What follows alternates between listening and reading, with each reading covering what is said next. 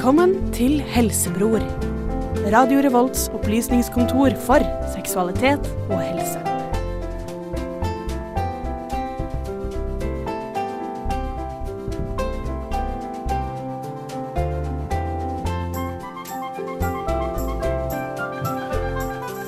Velkommen etter påske, folkens. Jeg håper alle har hatt en god påske. Det her er helsebord Preben, og med meg her nå så har jeg mine hels helsesøskenflokk eh, Mina og Torstein. Og dessverre er eh, Gjermund har forsvunnet, og Kristine har dessverre blitt litt dårlig. Så vi har fått med oss to gjester i dag. Og da har vi fått med oss Ellen, Hallo! og så har vi fått med oss Anneli. Hei, hei. Velkommen til studio skal dere være. Så mine brødre og søstre, hvordan har påska deres vært? Sånn veldig kort. Har dere noe dere skammer dere over? Nå? Nei. Nei. Jeg hadde en veldig skamfri eh, påske. Eh, ikke med tanke på serien, men med tanke på følelsen. Ja. Eh, jeg har gått mye på ski og sånn, så jeg føler meg bra. Jeg føler at jeg utnytta påsken bra. Det er skikkelig norsk, altså. Veldig. Hva med du, Ellen? Nei, vet du hva? Jeg, jeg var på ski for første gang på sånn fire år. Og da tenkte jeg ok, jeg går på ski opp på fjellet og overnatter på en hytte. Det var det jeg gjorde da. Du gikk all in, du, ja. Ja, all in og tryna masse. Ja. Men så jeg har ikke skammet meg så mye, Nei, okay. egentlig. ja, det er bra. Hva med du, Anneli? Jeg hadde besøk av søstera mi fra Tromsø, og det var jo veldig trivelig, men veldig lite skam. Veldig lite skam? Ja. Hva med du, ah, Mina? Nei, jeg har heller ikke skammet meg så mye. Jeg har vært på fjellet, og så har jeg feiret bursdagen min. Å, gratulerer med dagen. Gratulerer med dagen som er. Det er jo verdt å nevne, siden vi sier så mye om skam og sånn, at dagens tema er skam. Ja, for det var det jeg skulle komme fram til nå. Ja, ja OK. Ja. For eh, det er kanskje noe vi ikke snakker så mye om. Det er jo innenfor alles vokabular, men det er ikke noe som man sier eller snakker så mye åpent om. Og derfor tenkte jeg at uh, det må vi gjøre noe med, tenkte jeg. Så uh, det skal vi gjøre nå videre ut denne sendingen her. Men før vi gjør det, så tenkte jeg jeg skulle kjøre på en kjempelåt. Og da blir det da Strangers, Strangers From The Sky er Deaf by Unga Bunga. Mammaen og pappaen deres traff hverandre for første gang. Og det slo gnister.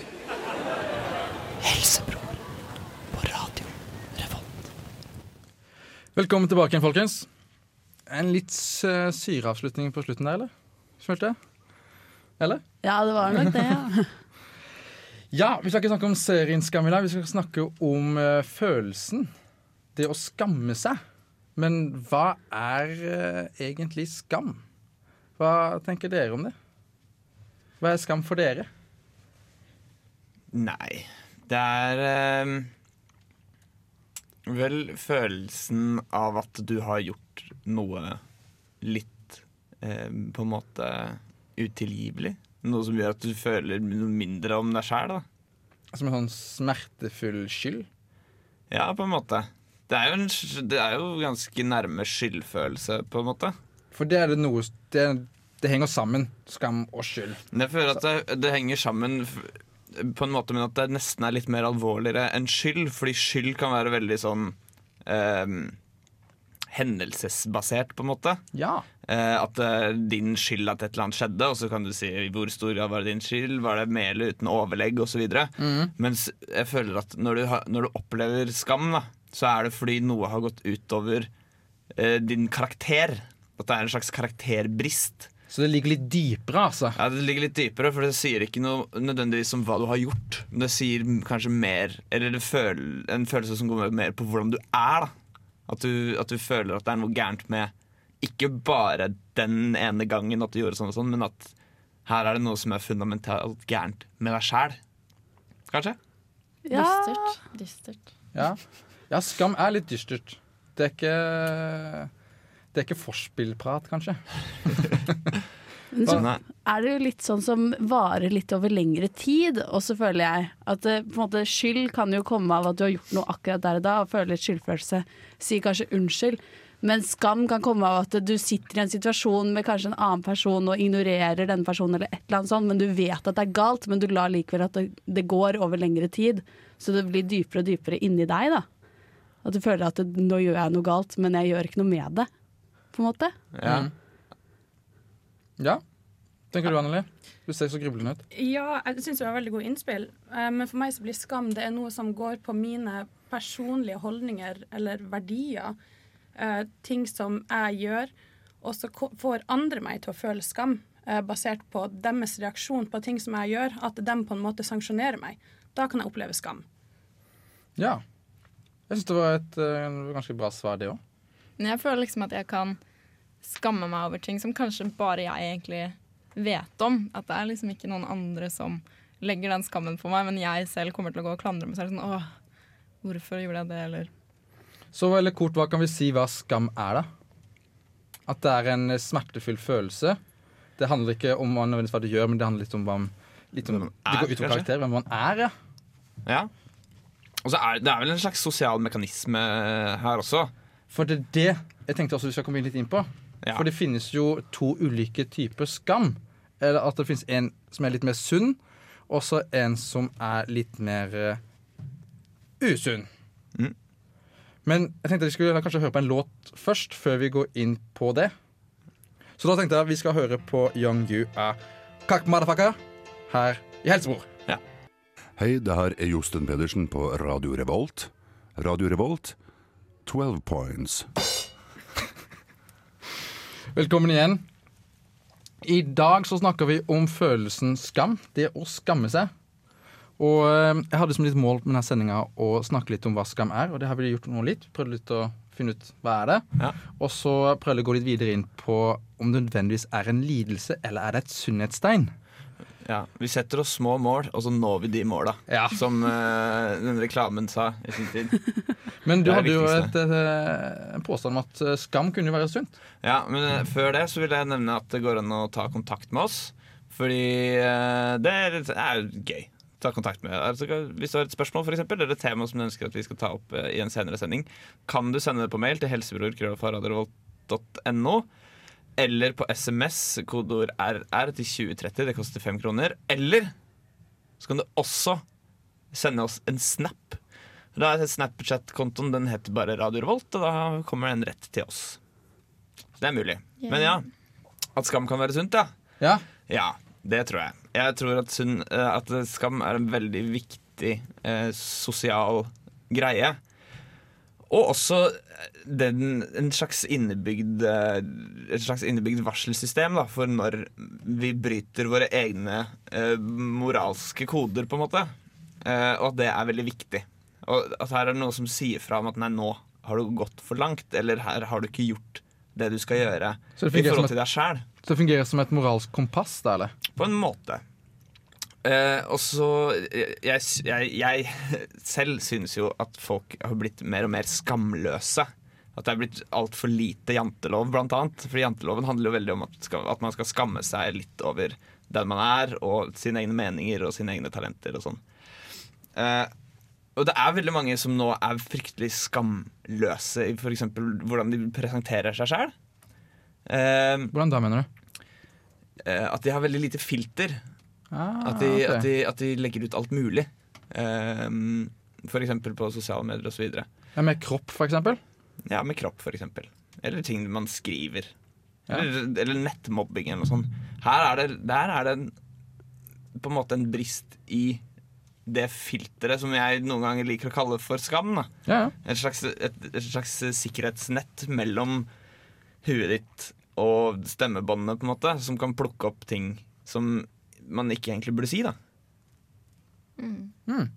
Det er veldig sant, da. Fordi på en måte, man legger jo også ut mye nå for å få oppmerksomhet og likes og diverse. Og det gjøres jo ikke med den skamfølelsen man kanskje hadde hatt før. da. Dette oppmerksomhetsgreia som er ute nå. Og så når alle gjør det, så må du kanskje dra den litt lengre. Og da må du kanskje gå litt utover eh, ja. Hva som er egentlig greit Være litt mer innenfor- skamløst. Ja. Dra den enda litt, strikke enda litt lenger. Men tror dere at det her vil gå tilbake? da? At man liksom får sånn nok på skamløsheten til folk, og så blir man litt mer sånn inneslutta og At det kanskje blir som en ballong. At det bare blåser og blåser, plutselig bare sprekker ballongen, og så går vi tilbake igjen til 50-tallet. Nå må vi kle oss Ja. Fra topp til tå.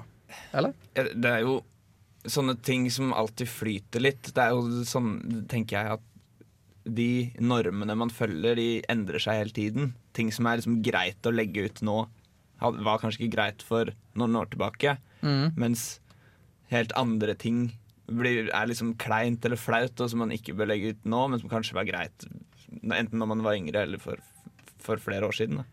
Um, så det er veldig vanskelig å vite hvor Altså i hvilke settinger er det, man, er det at skammen er sunn, på en måte? Mm. Og skal man alltid gå rundt og skamme seg litt over hvem man er? Nei. Nei, men han skal jo ikke det. Det er da det går over til å bli noe verre. Ja. Det du kan kalle det så enkelt som den usunne skammen, at det begynner å bli litt som en, en lidelse. At man Ja. begynner aktivt å tenke over ting, og så begynner du å gå så dypt innover deg sjøl at uh, du begynner å eh, kan det vel, unngå mennesker, eller unngå å gjøre ting, eller Og det er det jeg tenkte at vi skulle snakke mest om. Ja. For den sunne skammen er den den bra. Det er moralske kompasset som gjør at ikke du ikke blir en dårlig person. Mm. Mens den usunne, det kan gå litt eh, Ja, det kan gå ganske mørkt. Men Anneli, du, er, du har en mastergrad i sosiologi. Ja. Um, hvordan er det Hva er det skam Hvorfor har vi det? Hva brukes det til i grupper eller mellom folk? Eh, altså I et sosiologisk perspektiv så tenker jeg at det, brukes for å å si, normalisere hverandre, for å holde hverandre innenfor visse rammer. Eh, for når du lever i et samfunn, så kan ikke alle oppføre seg som de vil hele tida. Så da kan skam fungere sånn normativt, sånn at vi, vi setter oss sjøl litt inn i denne boksen som vi faktisk trenger å være litt i. Og derfor kan skam være en veldig positiv ting. Ja, for det er vel når det går utover deg sjøl, eller selve ditt ego, det begynner å, begynne å bli, bli mørkt. Og jeg tenkte vi skulle snakke om det litt videre utover sendinga. Mm. Men uh, før det så tenkte jeg vi skal sette på en ny låt. Og da vil jeg sette på 'Ranimals' av Filco Fiction her i Helsebro.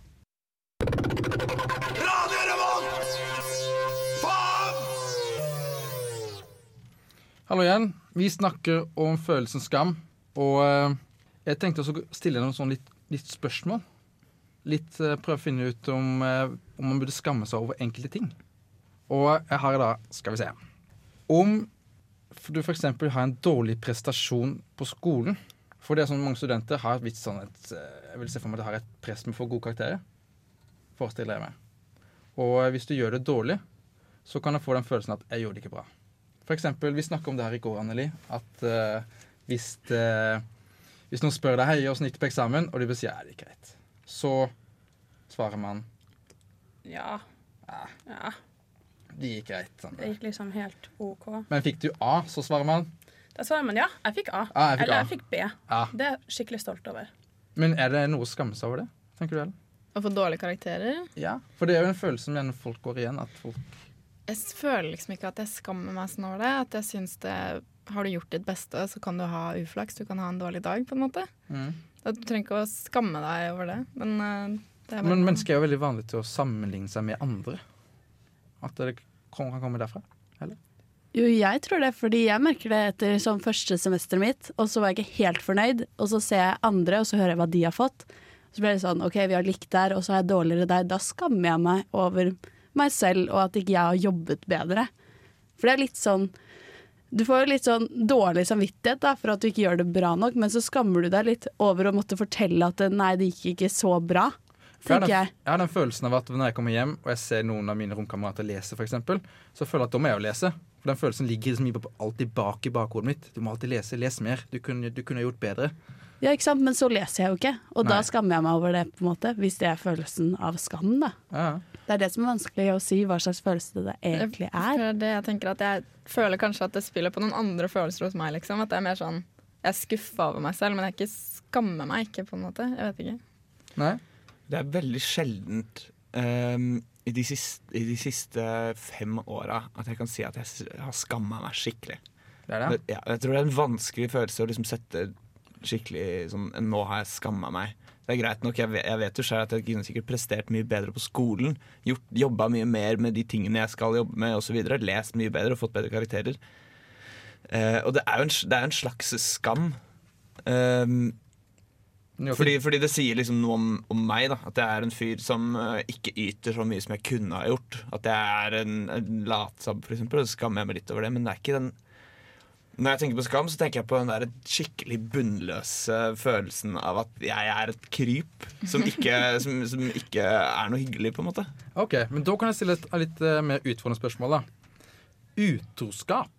Og eventuelt hvem skammer seg da? Hvem burde skamme seg? Uh, det er flere som burde skamme seg. Flere enn de to? Enn de to som er eh, Altså, det er jo selvfølgelig den som er utro mot en partner, som skal skamme seg mest, syns jeg. Nei, ikke nødvendigvis. Jeg tenker også Hvis at jeg hadde eh, holdt på med noen som hadde vært i et forhold, og jeg hadde visst at han hadde vært i et forhold, da føler jeg faktisk at jeg burde ha skjemtes veldig. For det hadde gått utover min sånn personlige integritet, føler jeg. Sånn, For min del. Og jeg føler det er like skamfullt som å være utro mot noen. Det, For meg så er det litt samme greia. Å Altså. være en homewrecker, liksom. Ja, jeg syns ikke Ja. det er noe greit. Spesielt hvis du hadde vært venninne med Ja, Da hadde det jo vært enda For, verre. for det er så god sånn historie i en klassisk film, kanskje. Men eh, Ja, men det skjer jo Ja. faktisk flere ganger òg. Ja. Og det er litt skummelt når du kommer i den gråsonen, syns jeg. da. Jeg har vært der selv med en som hadde kjæreste, og jeg visste at det gikk dårlig, og så blir du sånn Da skammet jeg meg over at jeg i det hele tatt vurderte om at jeg skulle være en homewrecker i det. Nå endte jeg opp med å ikke være det, men jeg kunne ha gjort det også. Okay, det er kanskje litt mest åpenbare. De som burde skamme seg. Den som gjør eh, den homebreaker, og den som er i et forhold og er utro. Men hva med den, det offeret som kanskje har blitt utro mot? At hun ikke føler, han eller hun føler seg god nok. Skal det vedkommende skamme seg, egentlig? Det er, det, den vil nok skamme seg. Ikke føle seg god nok, kanskje. Jeg tenker at man kanskje tenker. skammer seg hvis, I hvert fall hvis det blir noe offentlig da, som folk Mm. får vite om, så skammer du deg fordi da tenker andre at forholdet deres er dårlig. Og Jeg har alltid tenkt jeg, altså, at den jeg velger som en partner, er på mange måter en, skal jo, altså representerer jo meg til dels. Min Mm. kjæreste eh, er jo en representasjon av meg. Ja. Så hvis hun gjør noe som er veldig forbundet med skam, så reflekterer det fryktelig dårlig på meg. Og det vil jeg nok føle på. Ok. Mm.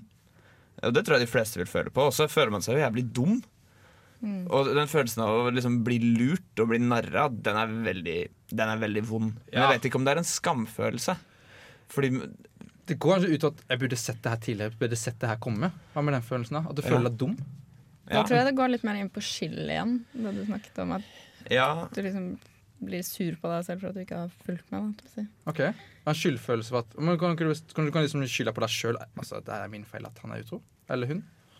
det kan hende, men det blir mer skyldfølelse. Der er jeg enig med Mina. En gang i livet så kan jeg eh, virkelig si at jeg har liksom følt At jeg har liksom skamma meg over noe. Jeg kan Mhm. ikke si hva det var. Det var, det det var sikkert ikke så alvorlig heller. Men da husker jeg at jeg opplevde det. Altså det I det øyeblikket jeg innså at nå har jeg virkelig eh, fucka opp skikkelig, liksom. Ja, ja. I det øyeblikket så følte jeg en enorm skam. Var skikkelig sånn veldig sånn mørk og fæl skam. Men jeg husker også at jeg var utrolig letta. Fordi jeg tror det er også er en følelse som folk leter veldig etter. Og som er veldig vanskelig å finne sånn ordentlig. Men jeg tror at skam i, måte, i sin reneste form Når du virkelig At det kan føles veldig sånn eh, befriende. da At nå er du også liksom kommet til det punktet hvor du skammer deg skikkelig. Nå veit du at du har fucka opp ordentlig, og du har innsett det. At du, at du kan se på det som en slags mulighet. da Mm. Jeg husker Akkurat da så tenkte jeg at nå har jeg vært skikkelig ussel mot noen som betydde mye for meg. Mm. Eh, nå, har jeg, nå har jeg skjønt det, liksom. Nå da liksom skjønte jeg det. Og da boltra meg og bada meg i skam den dagen og hadde det veldig fælt, men på en måte litt bra òg. En sunn skam, altså. Det er moralsk kompass. Du har Ja. skjønt at du har gjort noe galt. Ja. Du rett, retter deg etter det. Ja. Ok. Et siste spørsmål, da. Kan jeg komme på. En som ikke er så uh, Være naken. Det er så synd at det har blitt en skammeting, holdt jeg på å si. Ja.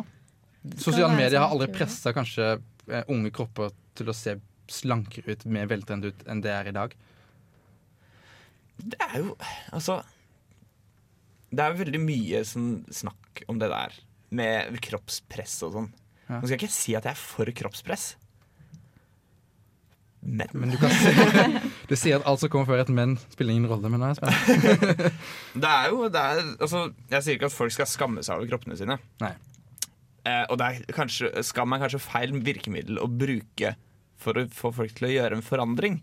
Men det er jo ingen tvil om at å spise riktig, ikke være overvektig og det å trene og få nok mosjon og sånn, vil gjøre livet ditt sannsynligvis betraktelig bedre. Mm. Og da er det Jeg tror det er veldig lett å, å skylde på kroppspress som en, som, å bruke det liksom som en unnskyldning for å ikke gjøre forandringer for deg sjæl som kunne hjulpet deg. da Men jeg tenker liksom at skam i forhold til nakenhet spiller mer på Eller sånn jeg oppfattet det da når Preben sa det, er mer den derre at det er noe stygt over å være naken. Ikke kroppen din, men liksom selve konseptet å være naken. Ja. At, sånn, jeg husker Da jeg var seks år gammel, eller noe, så badet jeg naken i en innsjø i USA. Var ikke det tid, ja? Og da fikk mamma skikkelig kjeft av noen amerikanske religiøse damer. da For det var liksom at hun kunne la meg gå naken foran alle disse menneskene. Det er jo en sånn skamme seg-greie. Det ene som er betrakta som normalt i Norge, kan være skamfullt i et annet. ja. Det er riktig. Ja. Det her har jeg ofte fått med meg. Det startet med Adam og Eva. Det startet med Adam og Eva, ja. De begynte å skamme seg. De begynte å skamme seg. De spiste eple. Men det er litt sant det Mina sa, at, uh, ja, at det kan, ene er skamfullt i andre land, men ikke i Norge. Og selvfølgelig det Torstein sier om at uh, det med kroppspress.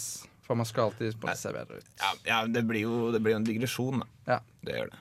Det egentlig et tema for en annen sending. Men det er, det er også et sted hvor man bruker skam. Da. Det, det går jo litt på det du også sa, Anneli, om hvordan man, man bruker skam. For det er et veldig sterkt virkemiddel. Absolutt. Men burde man skamme seg for kroppen sin? Nei. Nei. Det kommer jo helt an på om du føler deg komfortabel med din egen kropp eller ikke. Ja. Og hva er det som gjør at du eventuelt skammer deg over den. Ja. For det er, det er litt sånn symptomatisk med folk med dette med skam, syns jeg, at folk er mer opptatt av å ikke føle skam enn å rette opp i den tingen som gjør at de skammer seg. Og det tror jeg er, en, er der hvor man kanskje misforstår bruken av Eller hvorfor vi i det hele tatt har denne følelsen. Mm. Det, er ingen, det er ikke noe poeng i at hvis du går rundt og skammer deg fordi du f.eks. er eh, jeg har en jeg Si at du er veldig overvektig, eller en del, en, noe sånt. da At du skammer deg over noe med kroppen din.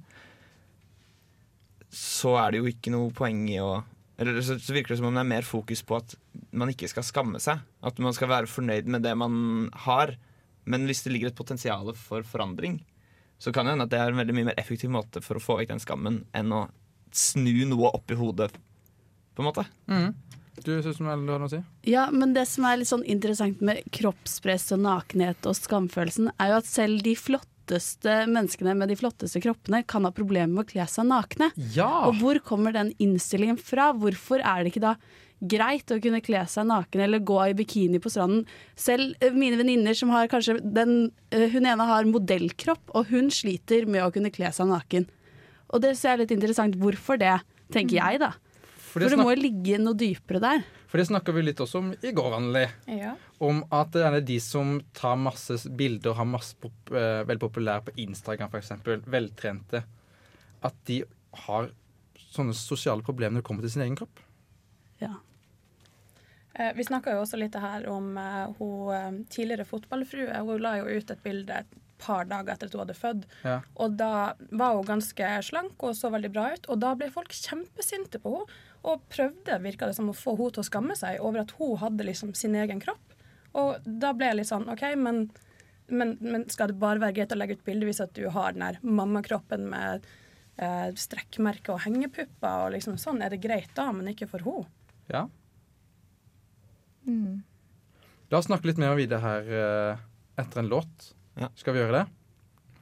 Da vil jeg at vi skal høre på 'Squeeze' av Kloroform her i Helsebror.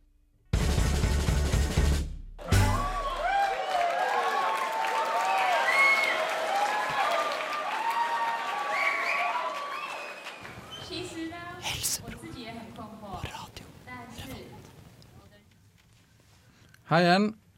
Jeg tenkte at vi skulle fortsette å prate litt om eh, Eller stille deg noen spørsmål igjen. Og jeg tenkte å starte med ett eh, samtaleemne som kanskje er ganske ja. Men før det, Preben, Ja. bare minne om at eh, hvis noen har lyst til å ta kontakt med oss, Ja, Kan de gjøre- igjen, ja. så kan de gjøre det enten på mail, helsebror.radiorevolt.no, eller på Facebook. Eller så kan de også legge oss til på Instagram og Snapchat. Snapchat. Gjerne Ja. send opp på Snapchat. Ja, send gjerne noe på Snapchat. Det er veldig spennende. Vi har en Snapchat-mobil liggende i studio. Eh, tar imot fortløpende. Eh, og kontoen heter Radio Revolt. Så enkelt. Så enkelt så som det. Men jo, og så vil jeg gjerne si en ting om Vi snakka om nakenhet før. Oh, det var brent på hjertet? Ja, jeg hadde, jeg hadde mer å si. Oh, ja, okay. Sjokk. Nei da. Um, fordi vi, jeg, tenkte, jeg tenkte på det at mennesker krangler med ord. Og ofte så er man litt urimelige. Og jeg, og jeg tror at mye av grunnen Jeg tror det er kanskje to grunner til at nakenhet er litt sånn skambelagt. Eller, vi, eller to grunner til at vi kler på oss. da At vi ikke går rundt nakne Den ene er at hvis jeg krangler med en annen mann, så har ikke jeg lyst til at han skal kunne si midt i krangelen Men Torstein, du har jo mindre tiss enn meg. Fordi uansett hvor lite det har med, med det vi diskuterer å gjøre, så er det Er det, er, det trumfkortet? da er jeg ferdig. Da, hva skal jeg gjøre da? Han har jo større tiss enn meg. Da, da, er, da er den diskusjonen over. Hvertfall I manges øyne så tror jeg det. Sannsynligvis. Og eh, den andre tingen er jo at nakenhet er jo forbundet veldig mye med sex. Og at det er veldig, jeg syns det er veldig kult med nakne damer. Jeg håper jo aldri at nakne damer blir ødelagt for meg. Og det kan, kunne, hvis, jeg, hvis jeg gikk ut og så alle nakne hele tiden, så kanskje det ikke hadde vært så spesielt. Så Inflasjon på nakne damer? ja, ikke sant? Inflasjon. Da for, hver, altså verdien av én naken dame går ned. Det er tilbud og etterspørsel. Det er helt eh, liksom bananas. Og sikkert, sånn er det sikkert med nakne menn for kvinner og så videre. Med alle øh, legninger og sånn.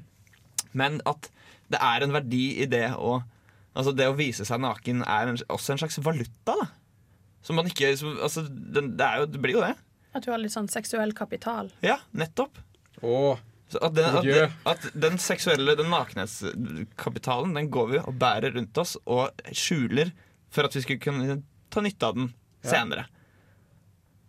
Men synes man da det er mer spennende med nakne kvinner som går eh, Nei, med kvinner som går i litt sånn store klær, og så plutselig ser du de naken, for da vet du ikke hva du kommer til. Er det da mer spennende? Ja, du blir en sånn slags sånn lykkepose. Ja, sånn cirka. ja. Men nei, altså, det er ikke, kan ikke det stemme? Du som er sosiolog, Ja. er ikke, har vi ikke litt sånne forskjellige kapitaler som vi bærer rundt på? Sosial kapital, altså seksual kapital? Ja, seksual eller erotisk kapital. Det er jo noe vi har, og noe jeg tror veldig mange vet å bruke også. Og klesmåte eller å velge å kle av seg er jo også en måte å utnytte den seksuelle kapitalen på. vil jeg Ja. absolutt si. Det er jo derfor f.eks. jenter kan velge å gå med kløft. Og noen velger å dekke seg til. Ja. Mm. Det Kløft- kløft er digg. Ja, noen ganger, ja, men, og noen ganger kan jo eksempel eh, Altså nivået av klær på kroppen omsettes i eksempel pils som blir spandert på deg på byen. Veldig sant. Det er jo det er veldig nærme penger. Og så, vet vi jo også at, at, at erotisk kapital kan omsettes også i penger. Gjennom prostitusjon. Så det er jo sikkert derfor at man har denne skamfølelsen, eller at man har liksom formulert det på den måten. Da, fordi det er en måte å ta vare på denne her kapitalen, sånn at det er noe vi kan bruke overfor hverandre når vi samhandler. Vi kan tydeligvis snakke om det her i all evighet, forstår jeg. Ja. Men uh, jeg tenkte bare stille et nytt spørsmål uh, nå. Og det handler om voldtekt. Hvem skammer seg når man har blitt voldtatt? Akkurat i voldtekt så hører man jo om mange av de voldtektsofrene som skammer seg. Ja. Har i hvert fall jeg lest om at det er veldig sterkt knyttet til skam. Den følelsen du sitter igjen med etterpå. Mm. Men eh, Men er det veldig mange voldtektspersoner, altså hun tenker overgripere, som faktisk kommer ut og snakker om hvordan de føler seg mens de voldtar eller etterpå? Vet dere noe om det? Ja, de, som, de som gjør gjør Ja, ja, jeg sånn. tenker Det vet som- jeg egentlig veldig lite om. Hvordan er det egentlig voldtektspersonen føler seg? Hatt den i studio. Men en, en, jeg tror en voldtekt er en voldsom og veldig ja, veldig sterk ommøblering av seksualiteten din. Det er veldig mye rar statistikk knytta til voldtekt. Eksempel, har du blitt voldtatt én gang, så er sjansen fryktelig mye større enn for alle andre for å bli voldtatt en gang til. Jaha. Mm. Hvorfor det er sånn, det er veldig vanskelig å si, men det er, altså, det er en omkalfatring av hvordan du selv ser på sex, og veldig mange, oms, altså, veldig mange eh, som blir utsatt for voldtekt, eh, takler det på fryktelig for mange forskjellige måter, men en av de måtene som folk dealer med det på, er f.eks. å ha veldig mye mer sex enn før. Mm. Eh, og, og at man kanskje setter seg i litt andre typer situasjoner eller utsetter seg på andre måter. For du får, det er et sånt skikkelig ballespark i seksualiteten, så det, kan, det er veldig vanskelig å vite akkurat hvordan det slår ut. da Mm. Ja, for Voldtektsofre kan jo få sosial angst, depresjon. Det kan gå, det kan virkelig det kan gå veldig dårlig. Traumer, posttraumatisk stress. Ja. Posttraumatisk stress, ja. Mm. Det er typisk. Men det finnes også mørketall for voldtekt, og det kommer voldtekt blant menn. Ja. Hvis menn har blitt voldtatt enten av andre menn, eller spesielt av kvinner, så ble det aldri nevnt. Og det er jo kanskje naturlig å si at det kommer fordi han skammer seg over at han har blitt voldtatt av en kvinne, eller? Det er en sånn demaskulering. Mm. Ja, er det? Jeg kan se for meg at det er litt mer skambelagt holdt jeg på å si, hos menn enn kvinner på grunn av det. At du føler deg liksom Vi som kvinner har på en måte en fast Eller nå, nå, det, nå følte jeg at jeg begynte å gå inn i en farlig gate. Nei, men bare gå. Bare gå. Nei, men at uh, menn har en stereotypisk 'du skal være mann', liksom. Og det er, som Torstein sier, litt demaskulerende. Mm. Og da Nå taper jeg det helt her. Nei, jeg syns du går riktig vei. Jeg falt ut av sporet mitt. Ellen, du Men det kan jo også ha noe om at eh, for eh, noen år Ja, det har jo vært en del um, år nå med kvinner som har vært åpne med at de har blitt voldtatt. Mens det fortsatt ikke har kommet noen menn foran i spissen som har vært åpne med at de har blitt voldtatt. Og derfor hører man kanskje også om færre voldtektsofre som er menn voldtatt av kvinner. Ja. Fordi det rett og slett ikke er en åpenhet rundt det enda. Og så er det sannsynligvis mm, færre tilfeller av det. Ja, det er Nei, det jo. det tror jeg faktisk kanskje. ikke. Altså, kanskje av menn som blir voldtatt av kvinner, kanskje ja, men det er veldig mange menn som blir voldtatt av menn. Ja, det og de eneste jeg har hørt om som står frem uh, av de mennene, det er menn som blir voldtatt av andre menn. Uh, og gjerne også da homofile menn.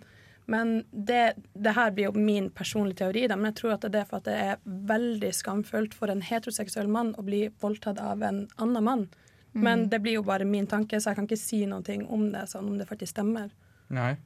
Mm. Nei, men det er jo det som går inn på det med liksom at Ja, du, blir, du føler deg mindre mandig, da. På Ja. en måte. Mhm. Men, ja, og så er det jo litt sånn Vi, vi snakka om dette med, med erotisk kapital. Det er jo et ran, på en måte. Det er et ran.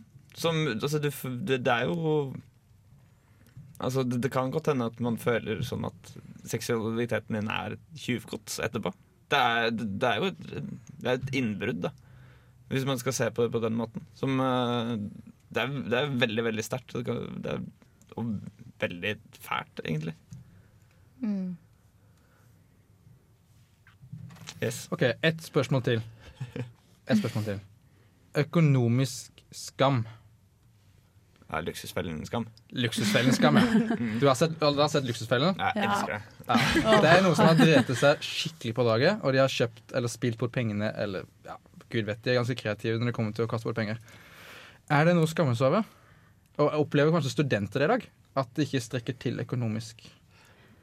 det som er fælt når du er student, er at du merker I hvert fall jeg går på smellen hver måned. Det har jeg gjort nå i over et halvt år. At jeg ikke har noe penger i begynnelsen av måneden igjen. Men om man skammer seg over det, det vet For det gjør ikke jeg, i hvert fall. Alle, sitter i samme båt. Ja, det er det Ja, jeg også tenkte. Men det som jeg tenker, jeg har vært studentpolitiker og vært i masse møter og sånn. Og da syns jeg alltid det var så ekkelt når de her møtelederne kom og bare Du, du er jo student, skal ikke du ha med deg resten av maten eller brusen eller whatever? Jeg bare oh, OK, jeg har en deltidsjobb, jeg har ikke så dårlig økonomi. Men de fikk meg til å skamme meg, da. Og da fikk jeg sånn Oi, er det sånn de ser på meg som student? Men det kommer kanskje an på miljøet, tenker jeg da. For eh, på Dragvoll og Gløshaugen så er det kanskje ikke så stort press, men jeg har hørt på BI så er det et mer press med å kle seg pent på skolen. Og Ja. pene klær, det koster mer. Og man trenger penger til det. Tror du det er større en skamfølelse der da? Angående penger, på en måte. Nei, på en måte, ja, for du strekker ikke til. Jeg har ikke råd til å kjøpe, gå på Moose of Norway og kjøpe alle flotte klær der. Og så på skolen til. Det er vanskelig for meg å sette meg inn i Bare sånn Al- forestill al- deg. Eller forestille meg at jeg, at jeg hadde følt skam. Jeg ville kanskje følt et press. Men jeg vet ikke om det blir det samme. Men så kan jo ikke jeg holdt på å si Jeg vet jo ikke hvordan, hvordan det føles. Nei. Eh, men hvis jeg skulle gjette hvordan det føles, så er liksom ikke skam det nærmeste.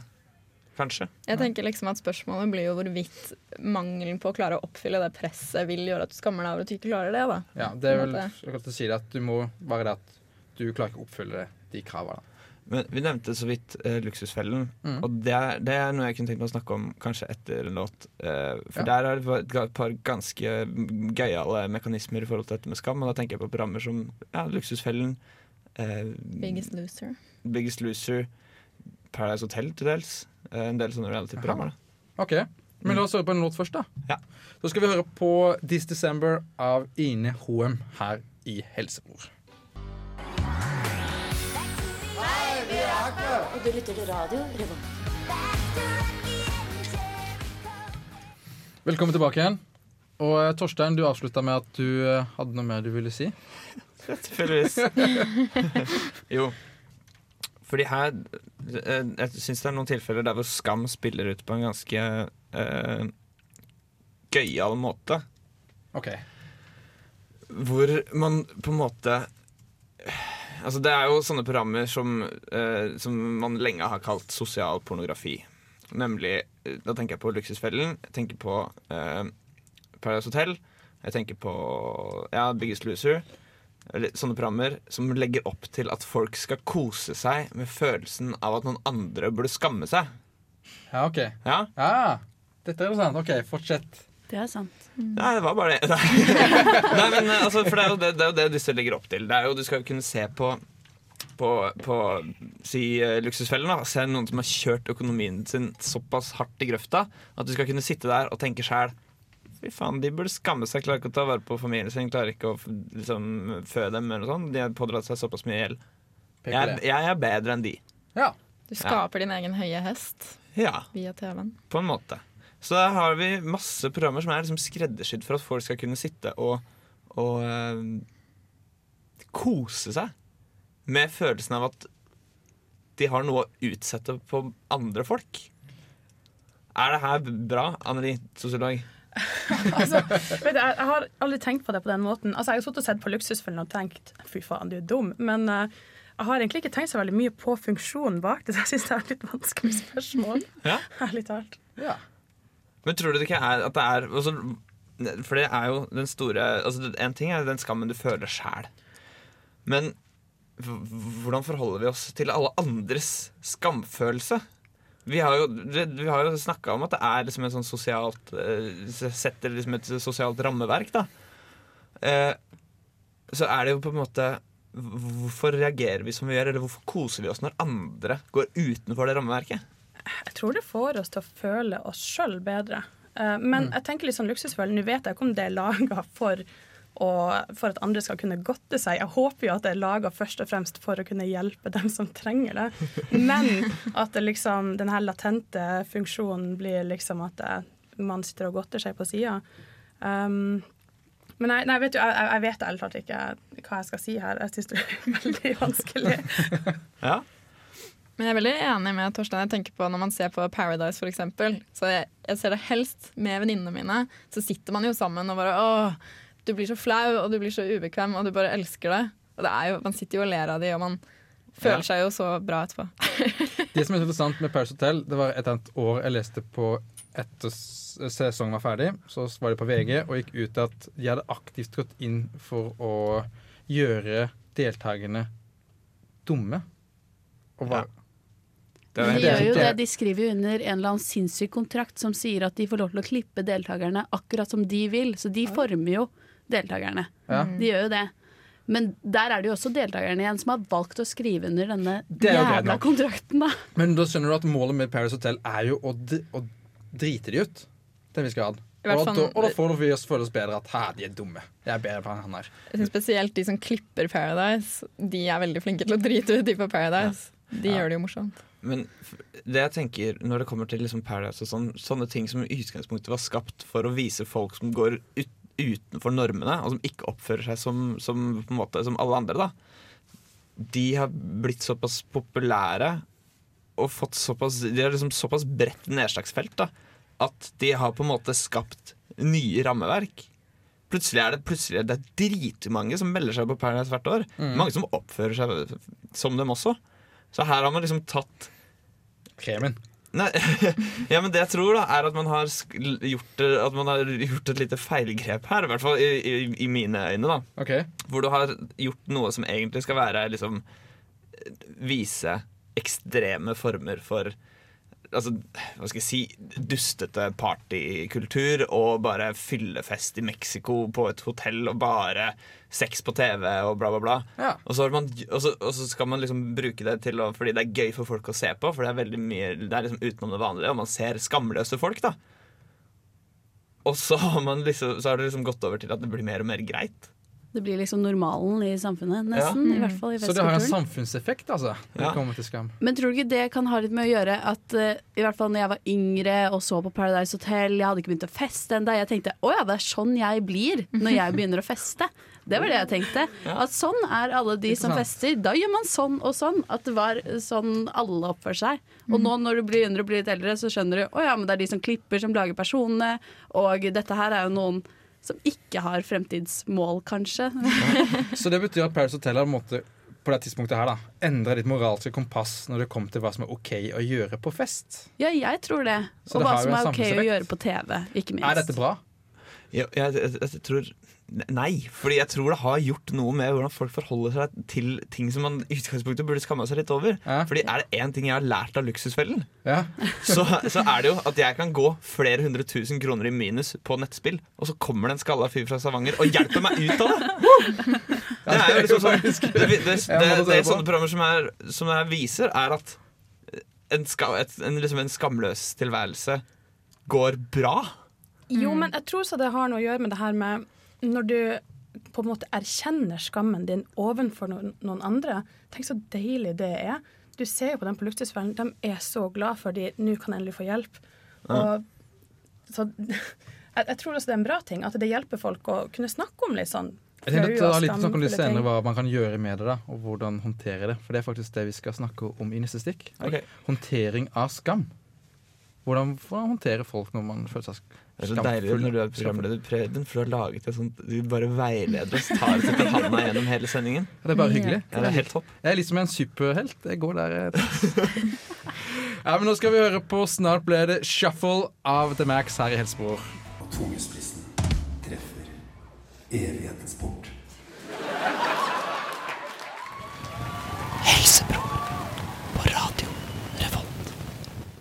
Hei igjen.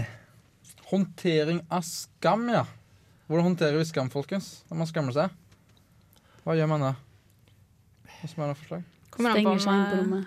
eh, jeg skulle komme an på om du mener den riktige måten å forholde seg på, til, eller det man faktisk Ja, gjør. du har den sunne, den gode, at man, man eh, veileder seg den. At man, Ja.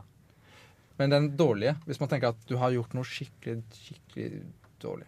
Så du egentlig ikke tør å vise deg ut igjen. Ja. Det blir jo at man unngår de du eventuelt skammer deg ovenfor, i hvert fall. Jeg får en sånn reaksjon at jeg begynner da å ringe venninner. Som kanskje ikke var der, men bare for å vite at eh, jeg har støtte. At du er ikke helt alene. Ah. Men noen ganger, noen ganger så tror jeg det å få liksom støtte, eller det å få, å få høre at Nei, det går bra. Det går bra, det du har gjort. Ja, At du- det ikke nødvendigvis er det man trenger å gjøre. Tror, du håndteringen er, tror du håndteringen er annerledes mellom kvinner og menn? At vi gutter kommer til å håndtere annerledes enn det jentene gjør? Ja. Jeg, jeg tror at jenter i større grad snakker med spesielt venninner. Eller mm, jeg vet ikke, mora eller noe sånt. Noen. Hva med Torstein? tenker du om gutter? da? Vi holder det kanskje mer inni oss. Dealer med det sjæl. Ja. Ute av øyet, ute av sinn. Ja. Mentalitet. Men jeg vet jo Jeg, jeg, har, jeg, har liksom, jeg føler at jeg har tatt lærdom av skam. Og jeg har også liksom vært i liksom noen situasjoner hvor både jeg har vært den som skammer meg, og der hvor noen har skamma seg overfor meg. Og det har vært i, i det øyeblikket når liksom alt kommer liksom opp i lyset, og, skam, og man liksom innrømmer Jeg skammer meg skikkelig, skikkelig, skikkelig.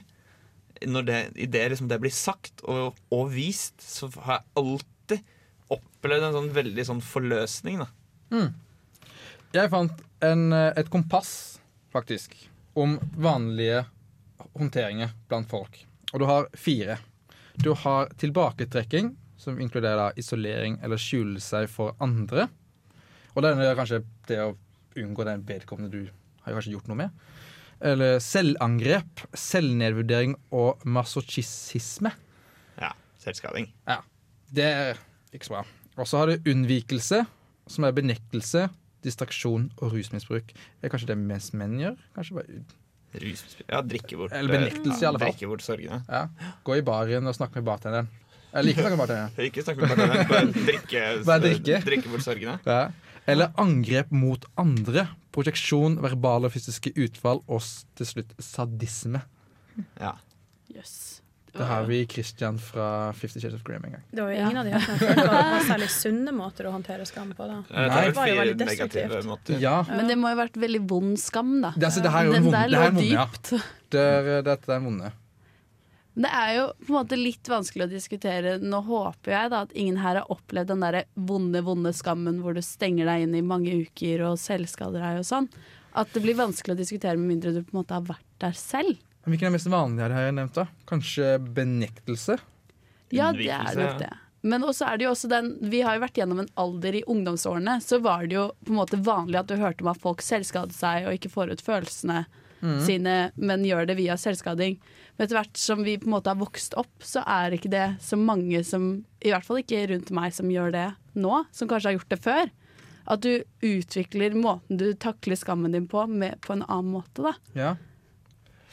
For jeg blir, alltid, sk- jeg blir litt skremt hvis jeg ser en person og du ser han tar opp Han går alltid med lang, uh, lange genser, for eksempel, lange armer, og plutselig tar han opp, og du ser at det er kutt der. Så blir jeg litt sånn Oi, hva har skjedd her? Men, Ja. men spør du han om det, da? Sier du 'hei, Nei, kjære du, jeg- hva skjer med hendene dine'? Jeg, jeg tenkte at det her er noe som ligger så dypt, og jeg tenkte at det her er ganske sånn eh, Kanskje litt tabu å spørre om, jeg vet ikke. Kanskje Det, de, jeg tror de aller fleste som har gått gjennom en sånn periode, og som har tydelige arr etterpå, skammer seg mer over arra enn over det som i utgangspunktet gjorde at de kutta seg. Fordi det vises. Men, men er ikke det verre da hvis at man unngår det? Altså, Det føler iallfall jeg. at Hvis at jeg hadde hatt sånn åpenbart arr en eller annen plass, så hadde- føler jeg det vært verre hvis folk ser på det, men ikke sier noen ting. Altså, Da ville jeg helt de skulle tatt du, har du, har du skadet det, eller har det vært ulykke, eller hva har skjedd? liksom? Ja. Men det kommer jo sikkert litt an på hvordan person du er, da. Jo. Er du en åpen personen person er, og snakker om det, så gjør du det. Eller hvis ikke, så prøver du å unngå det, da. Ja. For jeg vil liksom ikke være til bry. Altså bare sånn, bare sånn den som snuser inn i ting. Det må jo, Hvis en akkurat har møtt, kan han ikke bare Hei, du, hva har skjedd med armen din? Ja, Jeg vet nesten hva som har skjedd, så det tror jeg er en veldig sånn, typisk greie, det å ikke ville være til bry. Ja. Men det er påfallende hvor brysom du kan være når, du, når alt du gjør, er å prøve å ikke være til bry for andre. Ikke sant? For det er riktig. For jeg har eh, en eh, bekjent som har, er syk. Og han, all, han, han liker faktisk å snakke om det og, være, og bli normalisert. Ja. Eller bare være, bli som, liksom alle andre, da.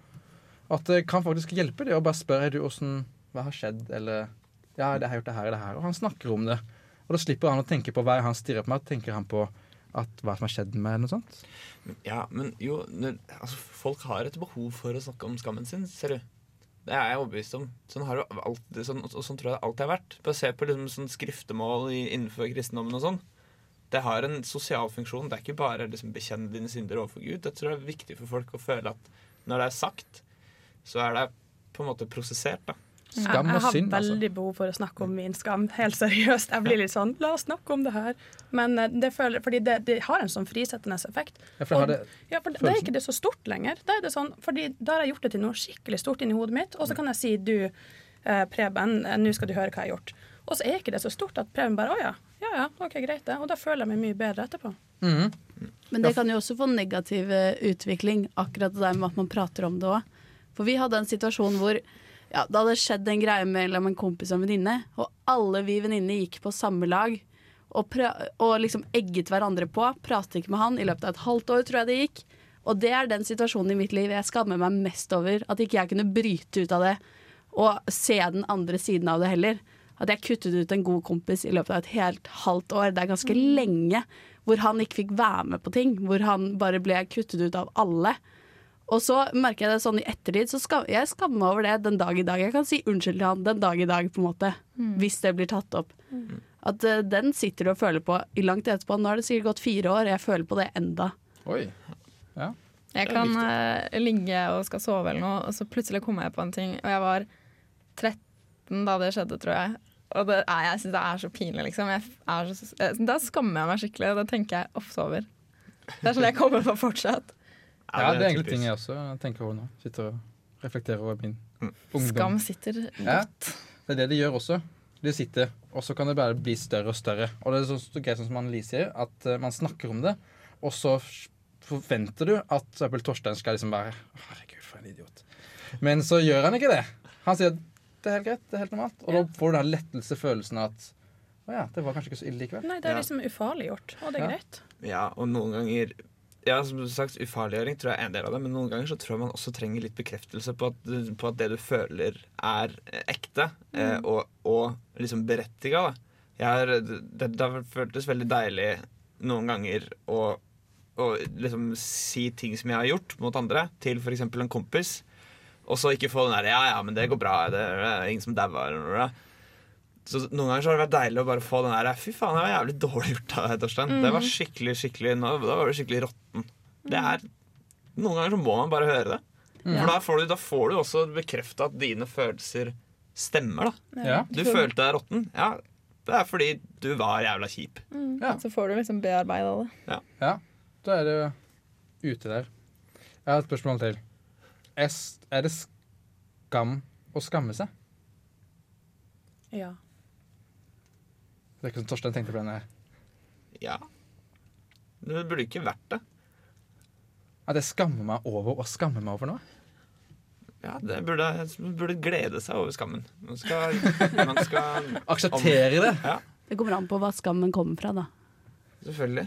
Ja, selvfølgelig, men uh, Altså, noen ganger så kan det gå Altså, du kan, du kan vite at du skammer deg over å skamme deg, og så er det ikke sikkert at det er, er bra.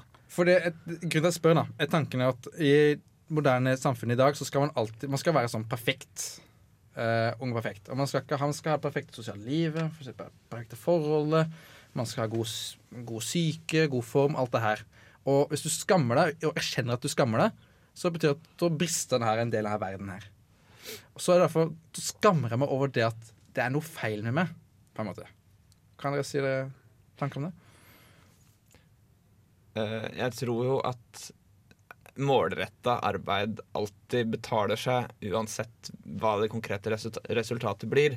Så det er litt det samme som det jeg snakka om i, stad.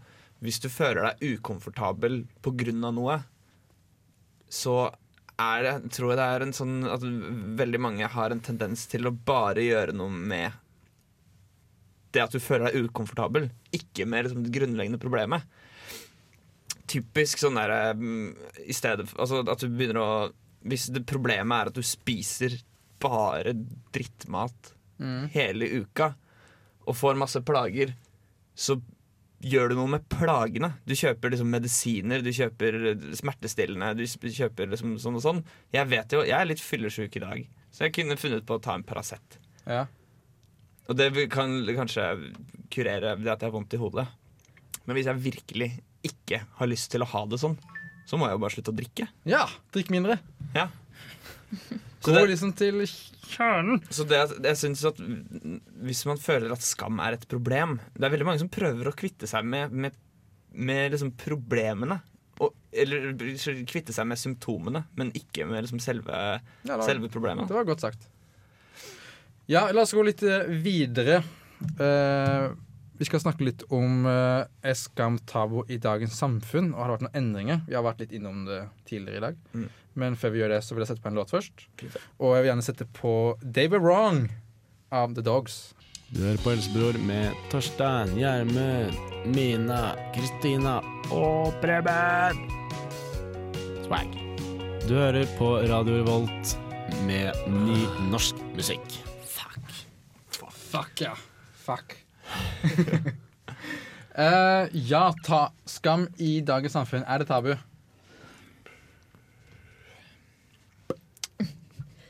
Alle tenker Altså, skam er tabu? Nei, jo, litt kanskje.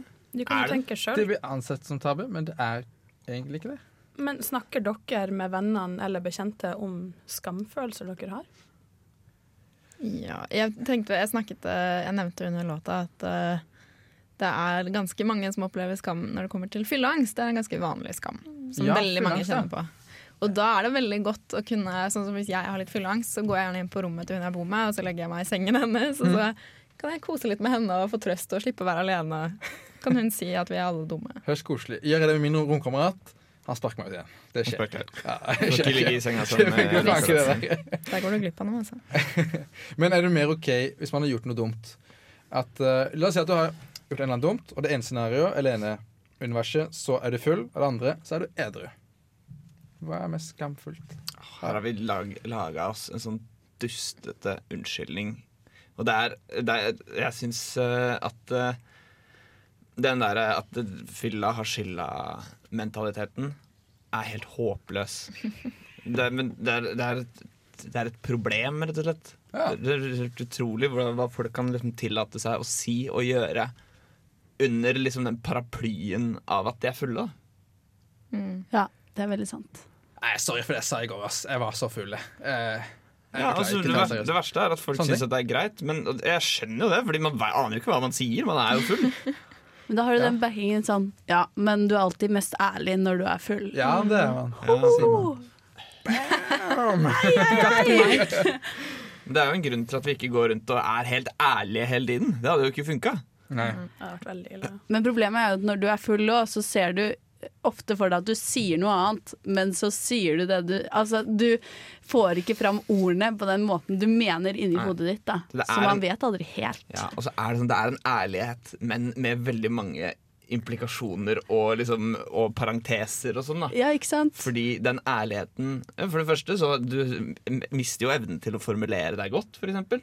Så det kan hende at du mente noe, men så sa du noe litt annet, eller du oppfatta litt annerledes, osv. Det kan være. Jeg har en annen ting når det kommer til eh, sex. S uh, jeg så på sånn en uh, 15 minutters YouTube-video om fordi er Ted Jeg tror jeg skulle si 15 minutters pornofilm. Nei. Jeg så på Ted, jeg har sikkert sett Ted på YouTube, de her uh, som snakker. Mm. Og hun snakka om hvorfor lykkelige par eh, var utroe. Og hun sa en del, så sa en, en liten bit, og så spurte hun spørsmålet Før så var monogami at man kun var sammen med én person i resten av hele livet. Men nå, så er, i dag, så er monogami at du er kun er sammen med én person om gangen. Ja. Så er det, det er jo naturligvis en endring, da. For hvis du hadde var, var sammen med mann nummer to i gode gamle dager, så ga det skam. Ja. Men det er det ikke lenger nå, tydeligvis. Men har ikke det liksom at før så skulle du ikke ha sex før du hadde giftet deg, f.eks.? Hvis ikke så var du en skamfull person, holdt jeg på å si. Da ble du jo ikke mottatt av samfunnet lenger. Kanskje tomater på Ja. gjennom gata. Måtte ha A på klærne dine, og Ja. har jeg lært i ECA. Shame. Shame. Shame. Synes jeg Game of Thrones, ja. Veldig spennende med hvordan man ser på liksom i løpet av et liv. Da. Det er veldig mye fokus på da, hvor mange har du ligga med, hva er liksom tallet ditt og sånn. Man har, man eh, vi har hatt en sending om det også, tror jeg. Sexpartnere. Eh, og da snakka vi mye om den, liksom, den kollektiv Eller altså den sam, din samlede seksuelle erfaring. Så du, du har jo Du begynner når du, er, når du blir født, med et helt hvitt ark, på en måte. Mm. Og så samler du deg opp en del seksuelle erfaringer, både med deg sjæl gjennom onani og sånn, og med alle de du møter, eh, roter med, suger, sleiker og ligger med eh, i løpet av et liv. Og, så den, det er såpass komplekst, og det er så mange mange hundre tusen forskjellige kombinasjoner her som, utgjør, altså, eller som kan liksom slå ut. Så hvor man skal begynne å skamme seg og ikke, er jo nå helt umulig å si. I hvert fall når overskriften i Se og Hør er 'Karl Aksel har hatt sex med 300-400 stykker'. Ja. Oi, det er helt greit, det. Så det, det har garantert blitt en endring i samfunnet når det kommer til hva som blir ansett som skam, og den flyter. Det endrer seg. Det som er skamfullt i dag, er OK om ti år. La oss si det. Tydeligvis. Ja.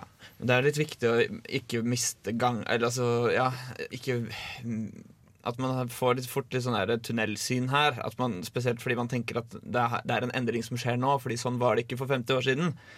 Det som er at det er noe som heller liksom At det peker på at det går i én retning, så er det noen som alltid svinger og snor seg rundt. Mm. Eh, at liksom, nei, ungdommen i dag gjør det så annerledes enn ungdommen for 100 år siden. Bla, bla. Fordi det har gamle folk sagt siden Alltid? Ja, siden, altså, siden man begynte å skrive, så har gamle folk skrevet om hvor skamløst ungdommen oppfører seg. Ja. Så det er ikke noe nytt, det. Um, Så det er litt viktig å huske på at det som, selv om nye ting kommer, så kommer de sannsynligvis i, på en måte igjen. At de har vært der før. Ja. Eh, jeg ville ha endre litt tema, holdt jeg på å si. Eh, snakke om det som skjer videre for de som har hatt skam. Eller hva kan det komme føre til noe ille? Kanskje jeg spørre om. Kan jeg det? Tror du det? Vi får se. Kanskje. Får se. Yes, vi får høre på en låt, og det ble 'You'll Be On My Mind' av Jakob Ogawa. Du hører på Radio Revolt, studentradioen i Trondheim. Ja, det stemmer. Studentradioen her i Trondheim. Og vi skal snakke litt om konsekvenser av å ha for mye skam. Eller, ja Det er mer riktig å si det på den måten. Hva kan det føre til? Hva er det som worst case scenario, tenker dere? Kanskje? Selvmord. Ja, OK. Bare for å være litt sånn mørk. Det var faktisk helt riktig. Da kan vi bare gå videre til neste stikk. Ny låt. Ja, nei, men Det er jo inne på det som vi snakket litt om i sted, av de typene som ikke er bra måter å håndtere det på. Så vil det jo, hvis du ikke håndterer det riktig over tid og blir selvdestruktiv, så vil jo det gå hardt utover deg selv og ditt liv. da. Ja, det er det de gjør. Og der har du jo eksempler på folk som f.eks. tyr til narkotika. Og så Nei, men du liksom velger å ikke deale med problemet ditt, og så kan det ende med fatale følger. Ja, eller selvskading, da, for eksempel. Ja. Og det kan også føre til depresjon. At du bare ender helt inn i grøfta. Du har krasja hardt. Og depresjon kan jo gå utover eh, ja, sosialt liv og liv generelt. Ja. Det er jo typisk en uh, årsak til depresjon som ofte nevnes, er jo tap av sosial status. Ja. Det er jo noe man skammer seg over, da. Så det er jo skam på mange måter roten til det der. Mm. I det tilfellet, da. Dårlig selvbilde. Føler til mye skam. Mm. Eller skam fører til dårlig selvbilde. Ja, det kan det gjøre. Og en sirkel. En ond sirkel. Her jeg føler at folk må informeres om skam. Man må snakke mer om det. Man må snakke mer om hvordan det skal håndteres, og hvorfor det er greit og, og nyttig å føle skam. Ja. Vi har gått litt inn på hvorfor det er nyttig som moralsk kompass. Ja. Det har vi jo. Og eh, neste stikk så tenkte jeg å snakke litt om uh, hva faen gjør vi? Hva faen gjør vi med hva? Med skam. Med skam? Hva, er ikke det vi snakker om nå? Jo, men hva kan man gjøre med det? Nå er det liksom bare, hva, hva Ja. kan være sånn verste skje hvis ikke du håndterer det? Hvis du bare unnviker det og bare det her driter jeg så kan det her skje. Tenkte jeg å snakke litt om det. Eller Mm. det det samme målet, da. Nei, det, det Men- som kan skje, er at du lever med bare sitter og føler skam hele veien. Og skam påfører mer skam, og så Ja. kan det bli depresjon. Og ellers, som Annelies ganske kjapp avtrekkeren på, å si selvmord. Ja. Selvmord. Men jeg vet ikke hva som er verst egentlig av å ha et veldig sånn dårlig liv i form av å leve med skam og depresjon og sånn her, eller å ta selvmord, liksom. Hvis jeg tar selvmord, er jeg i hvert fall død. Da slipper du å slite med det noe mer. Det var det. Shit. Men det, jeg, skjønner, jeg skjønner tanken din. Jeg kan få se det istedenfor å lide et langt liv, Ja. og så ha bare avslutte det kort. For det blir bare lidende. Altså, forstå meg rett her, da. Det er ikke eh, Vi oppfordrer ikke til selvmord. Altså. Nei, nei, nei. nei, Gjør slutt på det. Bare gjør slutt på det. Ja. Men OK. Jeg setter en ny låt nå her nå, jeg. Ja. La oss sette på 'Feeling Fine' av eh, Hoops her i Helsebror.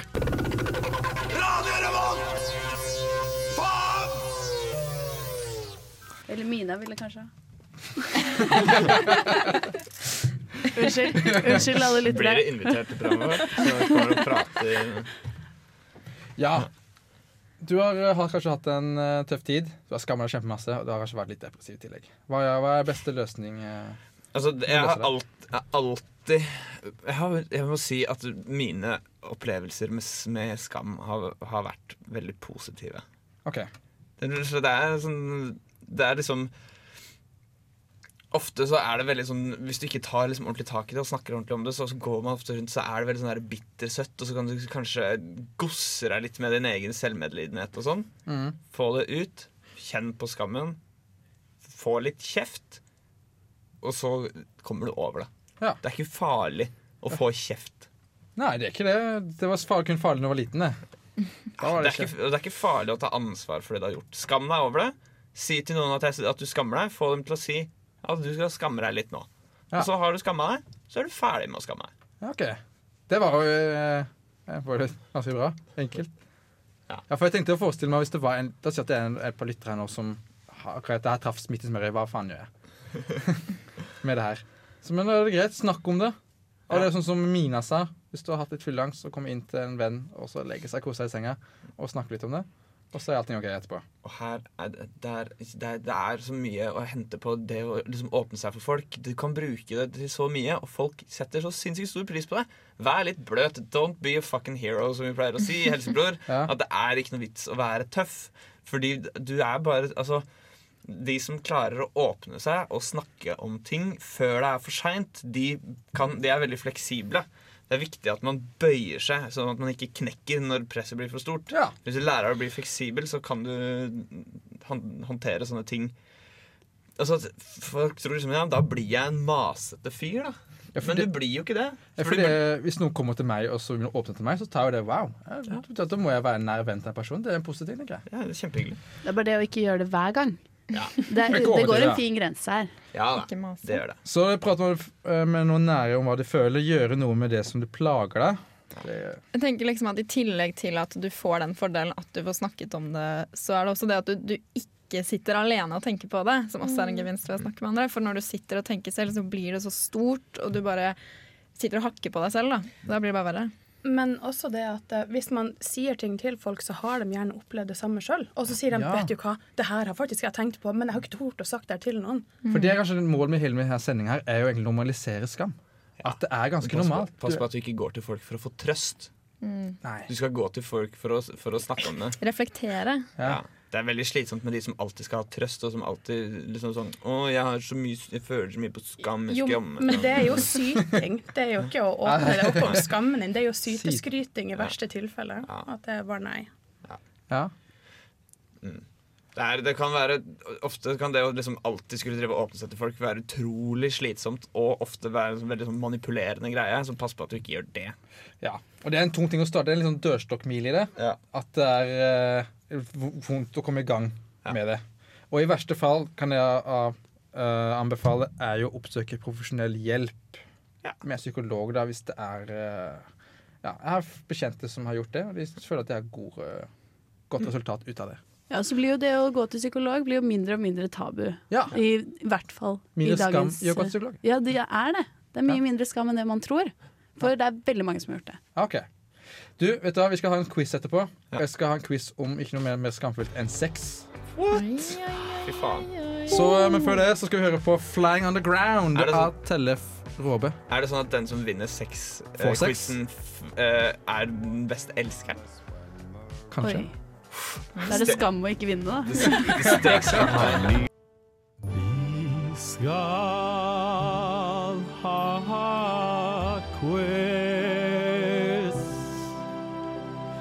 Spørsmål og svar. Vi skal ha quiz. Velkommen til oss her på radio og til Helsebrors quiz.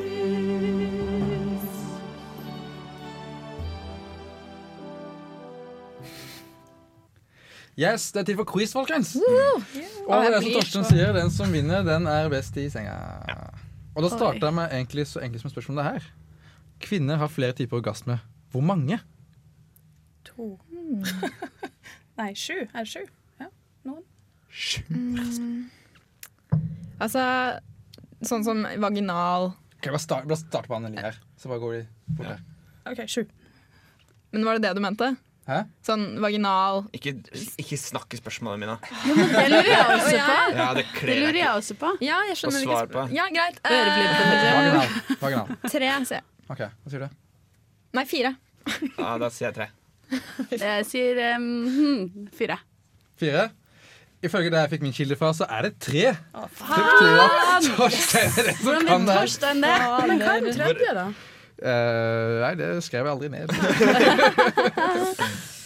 Altså på trekant. Ja, ser. Ja, okay. Utforsk litt sjæl. Finn den tredje orgasmen. Ja. Finn en Det er den neste, Dere kan lage en spesialpodkast. Helsebror og jakten på den tredje orgasmen. Nice. Ja. Ørene regnes for en erogen sone. Hvor på øret kjenner flest mest vellyst? Øreflipp. Hva er meste? Du, Lie? Nei, uh, Jeg ser også øreflipp. Okay. Jeg går for flippen sjøl. Ok, men Da må jeg litt ut av boksen. Jeg tror det er her oppe, men jeg vet ikke hva det heter. Ørebuen. Ja, Vi må jo si noe annet enn øreflippen nå. Det er øreflippen. Søren. Så det Dårlig på taktikk. Spenning i quizen. OK, skal vi se her. Uh, slafsemåse er et annet ord for hva? Slafsemåse? Jeg tror det- Slafsemåse. Det er så mange stygge ord. Eh, for fittefis. OK. Jeg tror det bare er for vaginaen. ok Hva tror du, Mina? Jeg tror det er lange kjønnslepper. Hva tror du? eh, Eh, jeg tror Jeg, jeg håper vagina. Det er vagina. Yes. Så det betyr at det er ett poeng til Anneli. Torstein, han eh, Torstein er rolig. ja, Jeg blir så sur når Torstein gjør det bra. OK, nå Hvor mange kalorier forbrenner en gjennomsnittsperson i løpet av en 30 minutters sexøkt? Oi, oi, oi. Hvor mye forbrenner man i løpet av en joggetur? Nei, en sexøkt. Ja, men, så for å ha noe å sammenligne med 600, 500 kalorier, sier jeg. det er ikke så mye. Så jeg tror det er 130, tipper jeg. Det kommer jo så sykt an på hvem som gjør hva, da. 430. Uh, Jeg tror eh, Jeg tror uh, ja, 400. Hva tror du, Stasja? Jeg sa 500. Det er 200 kalorier. Ah, da. sa 130. For Kan jeg si en fun fact? Da tenker jeg poeng han. Du forbrenner flere kalorier hvis du faker en orgasme. Enn Oi. hvis du har en ordentlig orgasme. Nice. Ladies. Ok. Hmm, Det skal jeg ikke håpe. En god gammeldags Old Joe er det engelske slaguttrykket for en kjønnssykdom. Hvilke? Yes, Oh, Joe. En Old Joe. Got a good old Joe. Syfilis. Okay, det var det jeg også tenkte. Sier du, Mina? Mm, nå må jeg si noe annet. Gonoré. Hva sier du, Torstein? Jeg sier også gonoré. Hva sier du, Mjellen? Mm, eh, klamydia. Det er syfilis. Og det betyr er at. Anne- Anneli går i ledelsen her nå, Torstein. Nå Oi, er oi, det. Nei, jeg vil ikke likt det. Nei, det holder ikke ett poeng fra deg. Oh, oh, oh. Hvor mange timer bruker en gjennomsnittsperson i et gjennomsnittsliv på å kysse? Vil du liksom ha timer eller Jeg vil ha timer, og jeg vil ha det i, jeg vil ha det i nærmeste Jeg tar til neste 50. jeg. Nærmeste 50. OK. Nærmeste 50 timer. Ja, nærmeste 50 timer. Faen. Er det såpass? 450 timer. Hva sier du, Anne? 600. Ok, hva sier du, eh, godeste mine? Å, men det er så åh, Det kommer jo helt an på. Ok. Ja, gjennomsnitt her, Eh, ja, men gjennomsnittet b- blir jo forandret ut ifra at noen gjør ingenting, og noen gjør dritmye. da. Du overtenker det. her på Ja, men quiz er så viktig. Um, nei, jeg sier 470. Og hva sier du? 400. Det er 337, så jeg gir poenget til Ellen. Som Så betyr at jeg tror ligger like mye med mine med ett poeng. Ja, det er. Velkommen i klubben! Hvor mange okay. spørsmål er det? Uh, det er mange, mange, mange. Det er mange, mange. Hvor mange timer har gjennomsnittsperson 6 i løpet av alderen 20 og 70 år? Fra 20 til 70? Ja, Mellom 20 og 70 år, ja. 50 år. Så ikke bare 20 og 70, liksom? Hvor mange eh, 800 timer. 800 timer? Ok, Hva tenker du? Jeg tenker mer 80 timer. 80 timer? Ja, egentlig ikke så mye. Okay. Hvor mange timer man har sex? Var det det var? Ja. Jeg endrer svaret mitt til 400 timer. 400 timer. 800 timer mellom ja, altså. Går du 800 eller 400 nå? Jeg kan si 400 timer, da. Okay. Jeg tipper 200. Hva sier du, Anne? Hmm, 300. Hva sa du? 80. Det er 600. Serr? Man mer Gata. sex enn klining? Det tar lengre En tid å ha sex varer jo i ligger- minutter. Kanskje for deg. Og jeg, jeg er så flau for meg som jente. fikk det poenget der, da. Ok, Vi rekker ett uh, par spørsmål veldig kjapt. Uh, par som har ikke har TV på sove- soverommet, har mer sex enn andre par som har. Uh, hvor mye mer sex har de da? 30 I prosent. Ja. 50 mer sex. 60% mer sex. 70. 50 er riktig. Yes, jeg visste det. Jeg har lest det. Tenkte jeg kvitt deg med TV-en. Ta én til, da, så kan jeg ta igjen de lederne. Ja, ok. Uh, da, er det her er bra. Når vi har sex, utløser bl.a. hormonet oksytocin, som er smertestillende. Hva lindrer det mest? Hodepine. Det skal jeg også si. Ja, det skal jeg si. Hodepine. Alle sier hodepine? Ja. Ja, det blir poeng til alle. Ja. OK, siste nå, da. I forhold til menneskets størrelse har svært store kjønnsorganer. Andre dyr enn mennesker, altså. Hvor langt er gjennomsnittspenisen til vår artsfrende gorillaen? Eh, Syv centimeter. Hæ? Syv centimeter. Jeg ville Ti. sagt ti. Sa du den var større eller mindre? Ja, Eller sa ingenting. det? Jeg Ok. Ja, ok, eh, Da sier jeg 20 centimeter. Tre! Serr? Nei. Da er jeg nærmest. Får jeg poeng for det? Ja. Nei. Serr? Hva søren? Nei da, tulla. Yes, da avslutter vi der. Jeg tror det er søren det er Torstein som vant igjen. Å, fy faen! Jeg gleder meg til å gå hjem til kjæresten min og si at jeg er den beste elskeren. Det er den eneste måten hun kunne vite det på. Ja. Ok, men nå vi, må sette på en låt. Uh, 'Letter by the Water' av The Japanese House her på Helsebror. klør og svir og det er jo rødt. Eller, eller på en måte når jeg vrir på den. Det lukter rart noe jeg spiste. Det er bare når jeg ler. Eller bare når jeg puster. Jeg vet ikke. Jeg driver og klør. En slags dyr. Hoster. Det svir. Eller på en måte svir, eller sånn kvalm. På en måte på huden. Ukens sykdom. sykdom.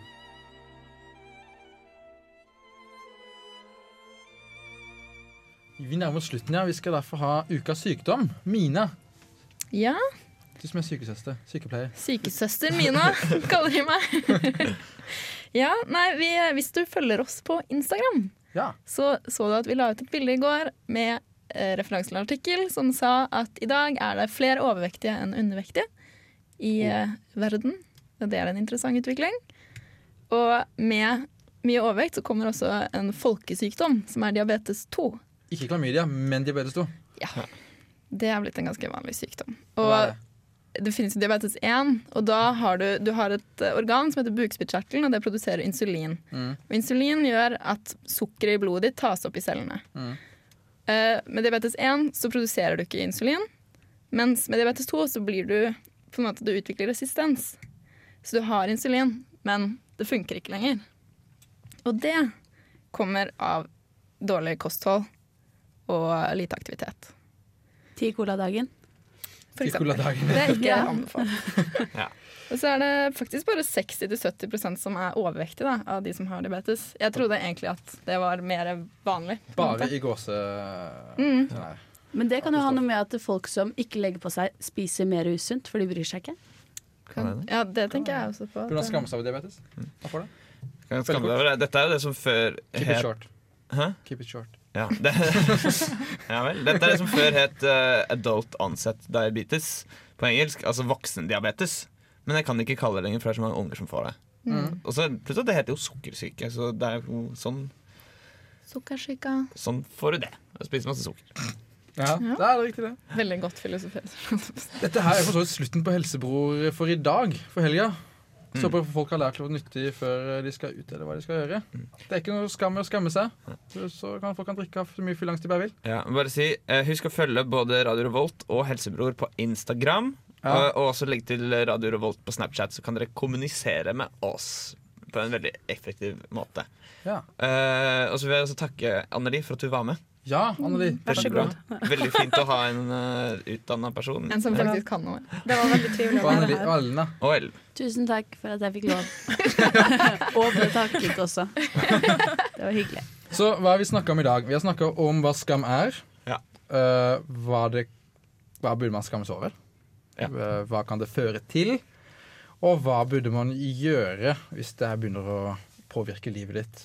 Og i verste fall så kan det jo påføre depresjon og eventuelt selvmord. Og da, før det går så langt, oppsøk profesjonell hjelp. I minst åpne deg til noen, vil jeg tørre å si. Er det noen som har noe mer å si på det, eller? Syns det var nydelig. Takk. Takk. Jeg ble ganske glad. Det var veldig gode råd. Hva skjer nå, Torstein? Jeg trodde du skulle bare se på noe på dataskjermen. Så klarte jeg å stange litt bort det. Ok. Noen råd til folket ute før helg, eller? Altså, ta det, det er lørdag i dag. Ta det, ta det rolig på byen. Ikke drikk for mye. Ikke, ikke gjør noe teit og skyld på alkohol, for da er du bare en idiot. Yes. Stå, for, stå for det du gjør. Og hvis du gjør noe teit på fylla, enten i går eh, eller i dag, ta så send en melding til den du gjorde noe gærent mot, og så sier du du, 'sorry for at jeg var sånn'. Jeg skal spille Mario Kart i kveld. Jeg blir et sjeldent eller Ikke si hvor det er, for da vil alle andre være med okay. og spille. Okay. Hemmelig, hemmelig helg, folkens. location. God helg. God helg. God helg.